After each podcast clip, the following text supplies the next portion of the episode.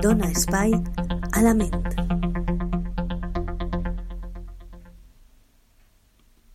Hola a tots i totes. Benvinguts i benvingudes una setmana més a Dona Espai a la Ment. Avui vull que parlem sobre les relacions tòxiques. Què són, com identificar-les i com desfer-nos d'elles. Les persones tòxiques són aquelles persones que no han madurat emocionalment. Són gent profundament insegura i egoista, que necessiten estar prop d'algú, a qui anomenarem víctima, per a llevar una relació absorbent que els permet eh, descarregar les seues frustracions. La relació tòxica es desenvolupa entre dues persones. Normalment hi ha una persona que és la dominant i altra la submisa. En aquest tipus de relació pot ser que, que cap de les dues persones es doni compte de què tipus de relació estan creant. Hi ha molts tipus de, de, de personalitats tòxiques, com ara la persona autoritària, l'envejosa, la manipuladora, la pessimista, el descalificador, el o l'agressiva. Les relacions tòxiques ens atrapen en una xarxa negativa, com si parlaren d'una teranyina i una mosca eh, enganxada en la teranyina no solament, hem de tindre clar que no solament parlem de, de parelles en l'àmbit sentimental, ja que d'això ja vam parlar en, en altre post de l'amor tòxic, sinó vull parlar-vos de l'existència de persones tòxiques en altres àmbits, com ara familiar, amics, treball, col·legues... Una relació tòxica ens fa mal, ens impedeix avançar, manipula tot allò que, que reconforta la nostra existència, destruís allò que som, no ens dona permís per a, per a ser com volem, ni pensar com, ni, ni ser ni pensar com volem, ni actuar. És a dir, ens fa éssers infeliços. Eh, cada vegada és més difícil, quan estem dintre d'una relació tòxica, poder eixir airosos, intentar desenganyar-nos d'esta xarxa que ens està reprimint. Una relació amb una persona tòxica es caracteritza molts problemes de comunicació, als quals se sumen les mentires, els xantatges emocionals i la manipulació. Les dues persones que formen part de la relació tòxica poden, poden patir, poden sofrir, però el que es lleva la, la pitjor part és la víctima o la persona manipulada. Aquestes relacions són relacions que tendeixen a anar empitjorant en el temps, degut a l'actitud de, de la persona en concret.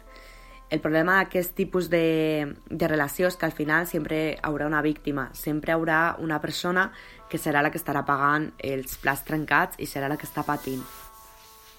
Davant de les persones així, les persones tòxiques, eh, només podem fer dues coses, evitar-les o enfrontar-nos a elles. Moltes persones prefereixen fugir de la, de la gent tòxica i no és, no és res que puguen tirar en cara. És una resposta defensiva de, mm, per a aconseguir la nostra salut mental. Però hi ha vegades que no, no ens queda més remei que lidiar en alguna persona tòxica. El millor és buscar la manera de, de fer-ho de manera intel·ligent, ja que les persones tòxiques, al cap i a la fi, sempre troben la manera d'escampar de, la seva negativitat, de contagiar-nos i de crear mal ambient, arruïnant el moment. Les persones tòxiques provoquen en, en el cervell de l'altre un estat d'estrès que requereix una gestió emocional intel·ligent per a desaparèixer. La clau per actuar de manera intel·ligent davant un comportament tòxic és cultivar la capacitat de manejar les nostres emocions i de mantindre la calma baix la pressió. És a dir, el més important és tindre intel·ligència emocional, cosa de la qual ja vam parlar en, en altra ocasió. Però, bàsicament, algunes de les claus per a, alleujar les persones tòxiques de la nostra vida és ignorar-les. Si pel motiu que siga no podem evitar aquesta persona tòxica, el millor és no caure en la seva red. Cal ignorar-la no hay que deixar-se provocar pels seus comentaris o accions. Per això, a vegades és necessari utilitzar l'assertivitat per a marcar un límit. Evita contagiar-te d'aquest comportament tòxic tot el tòxic se pega, se contagia. Per això és tan important mantenir el control de les emocions, a més de mantenir una distància emocional. Si una persona ens provoca i nosaltres contestem provocant-li, estem caent en el mateix joc, ens estem contagiant d'aquesta toxicitat i cal evitar aquesta eh, reacció. També eh, posar distàncies i límits és una bona solució. Eh, no, no cal que ens defenguem davant de, dels seus arguments o dels seus comentaris, sinó que deixem clars els nostres límits, eh, ja que en una persona tòxica no, no funciona de res ni les explicacions ni els raonaments, perquè directament no raonen. Per això és important mm, definir el nostre límit i què no anem a permetir.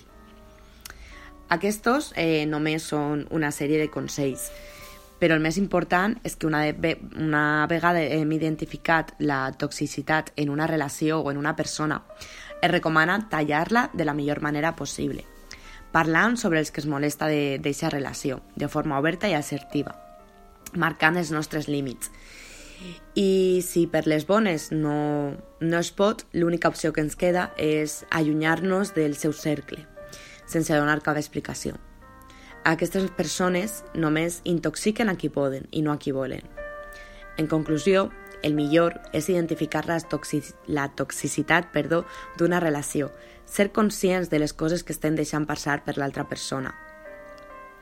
Siga de la forma que siga, però serà millor per a la nostra vida, encara que dolga, i ha que fer-ho, per un futur millor, per una millor estabilitat mental, per controlar millor les nostres emocions, per tindre una felicitat plena, Espero que us hagi agradat aquest nou post i ens veiem la setmana que ve.